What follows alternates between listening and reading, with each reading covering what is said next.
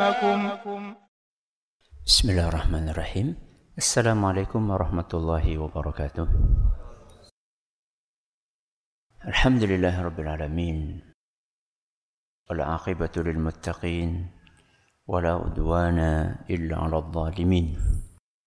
وصلى الله على نبينا وسيدنا محمد وعلى آله وصحبه أجمعين أما بعد. Jamaah sekalian yang kami hormati, pagi hari ini kita akan membuat akan membahas sebuah kaidah di dalam Al-Qur'an yang kalau kita fahami betul maka kita akan menghadapi kehidupan ini dengan optimis. Kalau kita pahami betul kaidah ini maka kita akan terus yakin menghadapi seberat apa pun ujian hidup. Yang penting kita memenuhi syarat yang sudah Allah sebutkan di dalam kaidah yang akan kita bahas pagi hari ini. Kaidah ini disebutkan dalam beberapa ayat di dalam Al-Quran. Antara lain dalam surat Al-A'raf ayat 128 dan juga dalam surat Al-Qasas ayat 83. Surat apa? Al-A'raf ayat 128 kemudian Al-Qasas ayat 83. Apa bunyi kaidah tersebut? Kaidah itu berbunyi wal aqibatu lil muttaqin. Apa bunyinya? wal aqibatu lil muttaqin. Apa artinya? Wal aqibatu itu artinya akhir yang baik. Kesudahan yang baik. Apa itu akhir yang baik? Akhir yang baik ya kebahagiaan, kesuksesan, kemenangan, keberhasilan. Itu akhir yang baik. Untuk siapakah akhir yang baik ini? Lil muttaqin. Apa pertanyaannya muttaqin? Untuk orang-orang yang bertakwa. Siapa pun yang bertakwa, maka dia pasti akan berhasil. Ini janji dari siapa? Allah Subhanahu wa taala. Siapa pun yang bertakwa, pasti dia akan menang. Siapa pun yang bertakwa pasti dia akan bahagia. Beberapa saat yang lalu ada orang konsultasi mengeluhkan tentang kondisi ekonomi. Mengeluhkan tentang kondisi ekonomi yang sulit. Anak-anaknya sudah gede-gede tapi kurang perhatian sama orang tuanya. Dan semua anak-anaknya sudah bekerja. Tapi si bapak ini masih bekerja membanting tulang. Padahal usianya sudah lanjut. Gimana saya akan bahagia seandainya saya selalu memikirkan besok makan apa? Gimana saya akan bahagia sedangkan kebutuhan saya ini, ini, ini, ini. Belum lagi tumpukan utang yang harus saya lunasi. Besok sudah jatuh tempo dan seterusnya. Bagaimana mungkin saya akan bahagia dengan kondisi seperti ini? Padahal perasaan saya, saya sudah berusaha untuk baik sama orang lain. Kenapa orang lain tidak baik sama saya? Di kesempatan yang lain, ada seorang mantan preman. Mantan apa? Preman. Lagi-lagi konsultasinya masalah ekonomi. Perasaan dulu ketika saya masih jadi preman gampang banget boleh duit. Siki bareng tobat malah angel temen ya. Perasaan dulu duit banyak, sekarang subhanallah sulit sekali untuk mendapatkan duit. Untuk mereka yang sedang diuji oleh Allah Subhanahu wa taala ingatlah kaidah kehidupan yang disebutkan oleh Allah Azza wa Jalla wal aqibatu lil muttaqin. Akhir yang baik kesudahan yang baik kebahagiaan ketenangan, kesuksesan, keberhasilan itu pasti Allah berikan kepada orang-orang yang bertakwa. Dan ini mencakup bukan hanya person satu persatu bukan. Tapi juga mencakup satu negara. Mencakup satu bangsa. Mencakup satu umat. Ya. Karena sekarang kalau misalnya kita melihat kondisi kaum mukminin di zaman ini, kita melihat kondisi kaum muslimin di zaman ini, banyak sekali di antara mereka yang tertindas. Contohnya? Contohnya di Palestina. Contohnya lagi di mana? Suriah. Di Rohingya. Di Uighur. Orang-orang Cina. Kita melihat bagaimana kaum muslimin di berbagai penjuru dunia ditindas oleh orang-orang kafir. Ya. Akhirnya kita kemudian bertanya, katanya kesuksesan, kemenangan, keberhasilan untuk orang-orang yang bertakwa. Kenapa justru mereka sekarang ditindas di mana-mana? Pertanyaannya, apakah kita sudah memenuhi syarat atau belum? Karena keberhasilan, kesuksesan, kebahagiaan itu diberikan kepada siapa tadi? Orang yang bertakwa. Sudah nggak kita memenuhi syarat itu? Allah subhanahu wa ta'ala kalau sudah janji tidak mungkin kalau Allah sudah berjanji tidak mungkin mengingkari janjinya. Alias pasti Allah azza wa jalla akan menepati janjinya. Kalau seandainya kita sekarang melihat sebagian dari kaum muslimin ditindas di mana-mana, kok belum juga datang pertolongan dari Allah Subhanahu wa taala, maka berarti ada sesuatu yang perlu kita perbaiki. Apa itu? Takwa kita. Sejauh mana ketergantungan kita kepada Allah Subhanahu wa taala? Atau justru masih banyak di antara kita yang tergantung hidupnya kepada benda-benda benda-benda mati. Jihad gawane jimat Kira-kira ini sudah takwa atau belum? Sudah takwa atau belum? Belum. Arab jihad malah dirajah.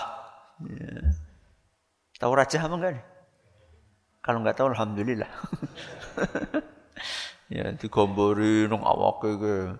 Insya Allah ya. kalau anda pakai ini bakalan sakti manjra guna otot kawat balung besi Terus apa maning? Kayak orang tedas apa gitulah, gitulah. Lupa saya lanjutannya. Pokoknya akan uh, kebal, senjata tajam apa pun. Nah, kayak gini belum berarti belum memenuhi kriteria takwa. Ketergantungannya masih kepada selain Allah Subhanahu wa taala.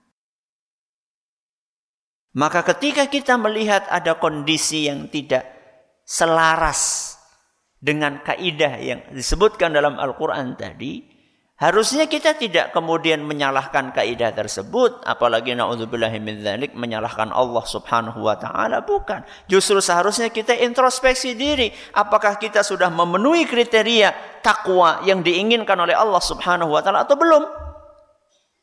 Dan menariknya kaidah yang tadi kita bacakan itu itu di dalam sebuah ayat Allah Subhanahu wa taala sampaikan kepada Allah Subhanahu wa taala ceritakan bahwa ucapan tadi wal aqibatu lil muttaqin itu ucapannya Nabi Musa alaihi salam.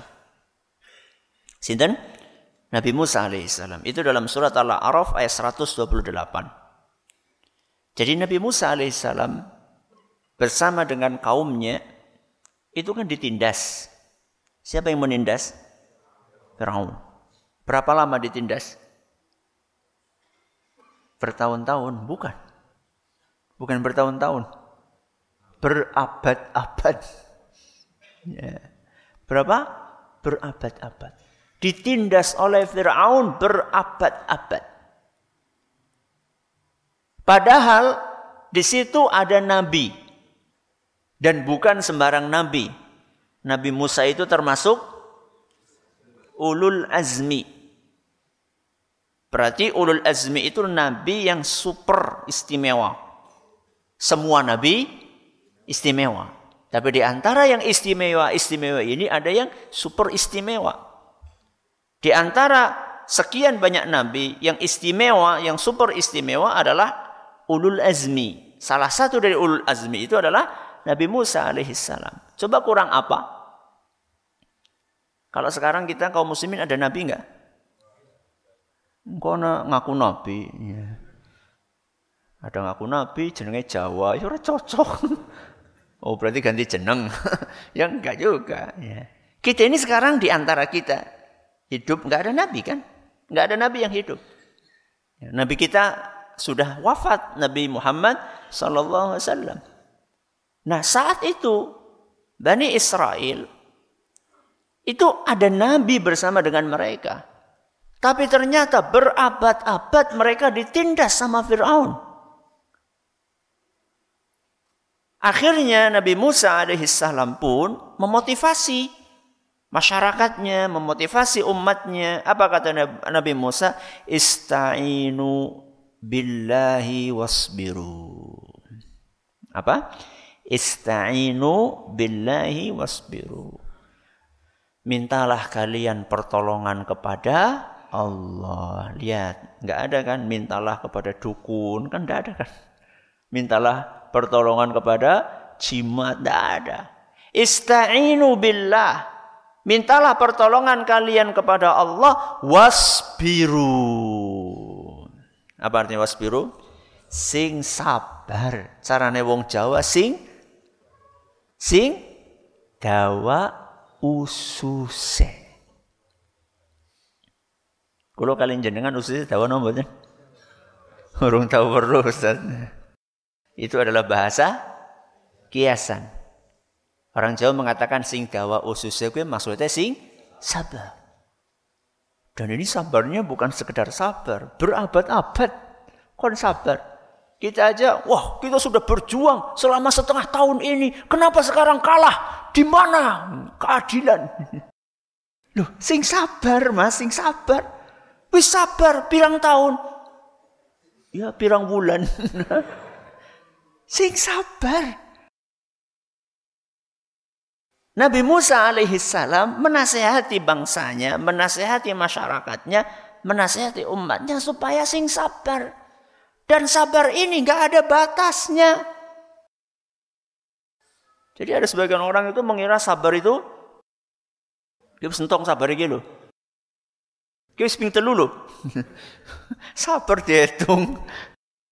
Sabar itu sampai kita menghadap kepada Allah. Gak ada istilah pensiun, sabar. Kayak sabarnya wis expire gitu. Gak ada. Jadi pesannya Nabi Musa kepada siapa? Kepada kepada kaumnya istainu billahi wasbiru. Mintalah kalian pertolongan kepada Allah dan bersabarlah. Innal arda lillahi yurithuha mayyasha'u min ibadi. Wahai bangsaku, bumi ini punyaan Allah. Bumi ini punyaan siapa? Allah. Bukan cuma Indonesia. Bukan cuma Indonesia. Bukan cuma Purbalingga, bukan cuma Kedung Wuluh. Tapi bumi semuanya ini miliknya Allah. Kalau miliknya Allah maka yurithuha mayyasha'u min ibadih. Maka Allah Subhanahu wa taala akan berikan bumi ini akan berikan kekuasaan di muka bumi ini untuk siapa pun dari hambanya yang dia kehendaki. Siapa yang dikehendaki? Oleh Allah Subhanahu wa taala. Allah Subhanahu wa taala akan memberikan kekuasaan itu sesuai dengan yang Dia kehendaki, bukan sesuai yang saya kehendaki atau Anda kehendaki, bukan. Oke, berarti pasrah Ustaz. Bukan artinya pasrah tidak ada usaha, berusaha semaksimal mungkin dengan cara-cara yang sesuai dengan syariat. Seandainya kita sudah maksimal berusaha, kok kemudian Allah Subhanahu wa taala menakdirkan berbeda dengan apa yang kita inginkan, maka ingat ayat ini. Allah berikan bumi ini untuk siapa yang Dia kehendaki. Tapi kata Allah, wal aqibatu lil muttaqin tetap akhirnya Allah akan berikan kebaikan kepada orang yang bertakwa.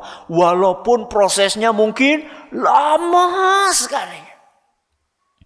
Berabad-abad Nabi Musa alaihissalam nunggu sampai Fir'aun tenggelam. Ya. Mulai dari proses pembunuhan bayi-bayi. Seperti yang kemarin kita ceritakan ketika pengajian apa? Tafsir. Ya demi untuk membendung orang yang bisa menggantikan siapa? Firaun. Ya. Seluruh bayi laki-laki disembelih sama Firaun. Ya, bukan cuma dibunuh, dia apa? Disembelih. Ya. Kemudian Firaun mendatangkan para tukang sihir senior. Ya, jadi bukan tukang sihir recek-recek kelas kampung, bukan Hmm, jadi kelas senior datangkan semuanya untuk melawan Sinten Musa. Gak cukup sampai di situ bala tentaranya ribuan dikerahkan untuk menghancurkan Musa dan bangsanya dan kaumnya yang cuma sedikit. Saking takutnya siapa? Firaun. Setelah kondisi seperti itu Nabi Musa kepepet pet sampai di pinggir laut. Laut merah. Saat itulah baru kemudian Allah Subhanahu wa taala memberikan pertolongannya kepada Nabi Musa alaihissalam, Firaun dan bala tentaranya semuanya tenggelam. Saat itulah baru Nabi Musa berkuasa. Setelah nunggu berapa lama? Berabad-abad. Maka tetap akhirnya buat orang yang bertakwa. Ini kalau kita bicara bangsa. Sekarang kita bicara person. Yang tadi saya sampaikan di awal. Kadang-kadang orang itu hijrah. Sekarang hijrah kan kalimat yang sedang ngetren. Ya. Yuk hijrah yuk. Ya. Hijrah siapa? pindah, pindah mengendi. pindah meninggalkan perilaku yang buruk menuju perilaku yang baik. Dari maksiat menuju taat. Dari bid'ah menuju sunnah. Dari syirik menuju tauhid. Itulah hijrah. Kadang-kadang orang itu ketika hijrah. Seperti yang saya katakan tadi. Aku main jarang sholat. Ujarku ya rezekinya lancar. Si rajin sholat malah jadi angel banget ngoleh duit. Ya. Ujarku mbiyen pas aku urung hijrah bojoku manut banget. Siki bareng hijrah malah dadi angel temen. Ingat ayat ini. Wal akibatu lil muttaqin. Itu bagian dari ujian. Allah Subhanahu wa taala sedang menguji kita untuk mengetahui apakah kita serius di dalam dunia hijrah ini atau tidak. Ya. Saya pernah ceritakan kisah yang akan saya bawakan sekarang dalam beberapa kesempatan. Seorang yang menjadi akuntan di sebuah perusahaan internasional. Ya. Dia kerjanya menjadi akuntan di perusahaan tersebut. Dan gajinya Masya Allah. Ya, sebulan 30 juta. Gaji pirang tahun. sebulan. Ya, sebulan gajinya 30 juta. Itu baru gaji. Belum tunjangan, belum fasilitas rumah, belum fasilitas mobil, belum ini, belum itu. Itu 30 gue bersih gue. Udah bruto gue. Gue neto gue. Ya, pokoknya 30 juta. Kekurangannya apa? Kekurangannya di situ nggak bisa sholat tepat waktu. Tidak bisa sholat tepat waktu. Karena yang punya perusahaan itu orang yang tidak percaya Tuhan. Jadi bukan orang yang ber, bukan hanya orang yang bukan Muslim, tapi orang tidak percaya Tuhan. Ya, sehingga nggak peduli, pokoknya kerja, kerja, kerja. Ya. Nggak peduli waktu sholat, nggak peduli waktu puasa pokoknya kerja. Sehingga bolak balik telat jamaah, nggak bisa jamaah dia. Nah akhirnya dia menimbul, uh, muncul perasaan tidak tenang dalam hatinya. Ini secara ekonomi uh, berhasil, akan tetapi secara batin, suasana batin itu tidak mendukung. Akhirnya dia pun curhat sama istrinya. Dek aku nggak tenang ya dek ya. Kondisinya seperti ini. Memang Masya Allah kehidupan kita sekarang bukan hanya kecukupan. Bahkan berlebih. Tapi aku nggak tenang hatinya. Loh kenapa mas? Sulit sholat tepat waktu di perusahaan kita. Terus gimana? Ya gimana kalau aku resign saja? Gimana kalau aku resign saja? Apa jawaban istrinya? Saya dukung 100% mas. Wah Kue nembe solehah temenan kue. Kayak kue bocone jenengan. Lu kok mangan apa bocah kan gitu kan. Saya dukung mas, ayo. Ya, ini betul-betul istri yang mengajak ke akhirat betul. Ya. ya sudah mas, ajukan resign. Betul. Gak lama kemudian dia resign. Ya.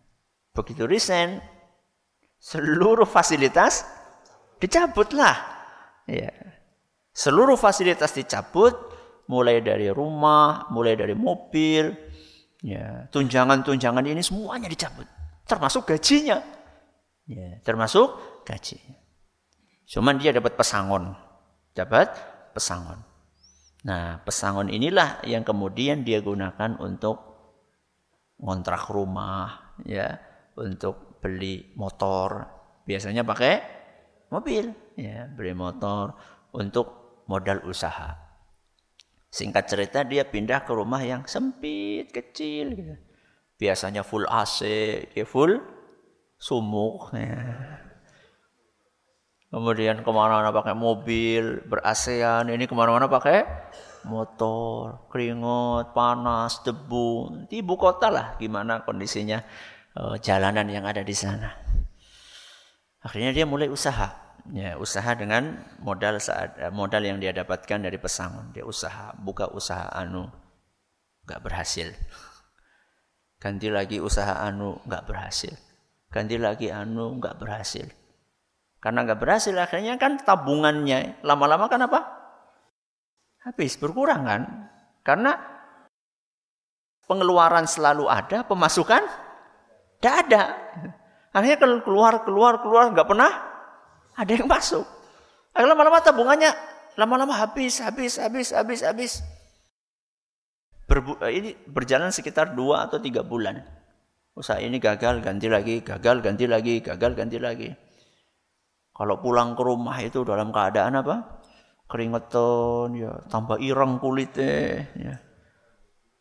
Tapi Masya Allah, so, istrinya ini Masya Allah, begitu sampai ke rumah sudah siap ada minuman. ya. Kalau kehujanan sudah disiapin anduk, air anget. Ya begitu buka pintu, istrinya senyum, sing sabar ya mas ya, Masya Allah. Boleh tuh dengan dia gue bocor gitu. sing sabar ya mas ya, dilapi, dianduki ya. Ini salah satu yang membuat hati laki-laki itu menjadi menjadi kuat gitu loh. Karena ada yang mendukung dia. Ya, berbeda dengan istri yang tidak soleh. Mbok, aku ngomong apa? Mulane ya. Aduh, naudzubillah. Mudah-mudahan istri kita enggak seperti itu. ya. Sing ngasih pujangan gue itu sing bener ya. ya. Sudah. Akhirnya suatu saat dia uh, uh, istirahat di sebuah masjid ya istirahat di belum belum eh, iya istirahat di sebuah masjid kemudian ketemu sama uh, seseorang ditawarin dia gimana mas kamu uh, mau nggak uh, saya tugasi eh, saya ajak untuk jualan uh, CD ya. jualan CD program akuntansi jualan CD program akuntansi jadi sales lah intinya. Jadi apa? Jadi sales. Ya enggak apa-apa lah. Saya memang akuntan, siapa tahu saya bisa jualan CD akuntansi. Akhirnya betul dia sales dia tawarkan dari perusahaan, perusahaan, perusahaan. Ternyata dari sekian banyak perusahaan yang dia datangi, nggak ada satupun yang tertarik untuk beli. Karena dia bukan sales aslinya. Dia adalah seorang akuntan. Sales kan akeh ngecuprus. Ya. Kudu pinter apa? Ngomong. Sedangkan dia itu kerjaannya di depan komputer. Selama ini dia itu nggak pernah ngomong banyak sama orang. Dia cuma di depan komputer. Sehingga dia sulit untuk akhirnya gagal. Usaha itu pun gagal. Sampai datang suatu saat dia habis sholat asar dia duduk itu kan mikirin nasibnya. Ya. Nah ketika lagi duduk itu datanglah uh, seseorang mendekati dia. Mas kamu apa kerjaannya? Saya jualan CD ini CD program. Uh, apakah bapak butuh CD ini? Oh enggak, saya enggak butuh itu. Cuman saya butuh ada seorang yang bisa menghitung uh, menghitung keuangan perusahaan ini. Ya, karena saya sekarang lagi repot jadi kejar-kejar pajak. ya, colong kamu tahu nggak ada orang yang bisa uh, ngitung keuangan di perusahaan ini? Wah, itu kerjaan saya, Pak. Itu kerjaan saya. Kamu kalau benar bisa, coba kamu datang ke perusahaan saya. Baiklah, Pak, saya datang. Singkat cerita dia datang ke perusahaan itu kemudian dia kerjakan itu pekerjaan yang ditawarkan dan itu ringan buat dia dia sudah bertahun-tahun memang kerjaannya itu. Nggak lama dia selesai seret. Begitu selesai disodorkan urusan pajak selesai puas. Si pemilik perusahaan puas dengan pekerjaannya. Langsung dikasih sama dia 100 juta. Sebagai upah dari pembukuan tadi Nangis dia. Dapat duit berapa? 100 juta nangis. Kenapa dia nangis? Karena dia tiga bulan ini nol penghasilan. Selama tiga bulan keluar perusahaan itu nol, nggak ada pemasukan. Ternyata Allah Subhanahu wa taala tumpuk penghasilan itu setelah apa? Tiga bulan. Dan dikasih bonus 10 juta sama Allah. Kan harusnya kan berapa? 30, 30, 30. Berapa? 90. Ternyata dia digaji berapa? 100 juta. Sekali kerja 100 juta. Ya. Akhirnya setelah itu dia terus jadi akuntan e, lepas. Sekarang dia sudah punya belasan karyawan. Ya.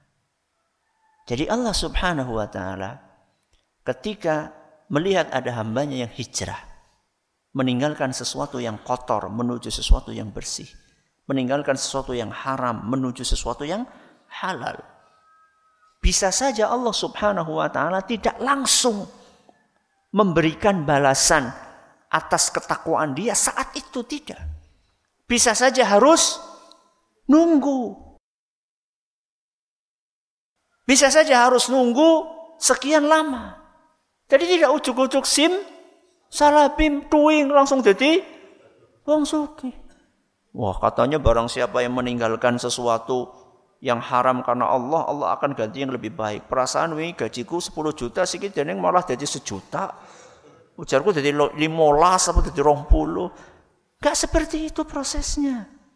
Ada sebagian orang langsung seperti itu, tapi ada sebagian orang yang memang oleh Allah Subhanahu wa taala diuji untuk mengetahui seberapa serius dia dalam dunia hijrah tersebut.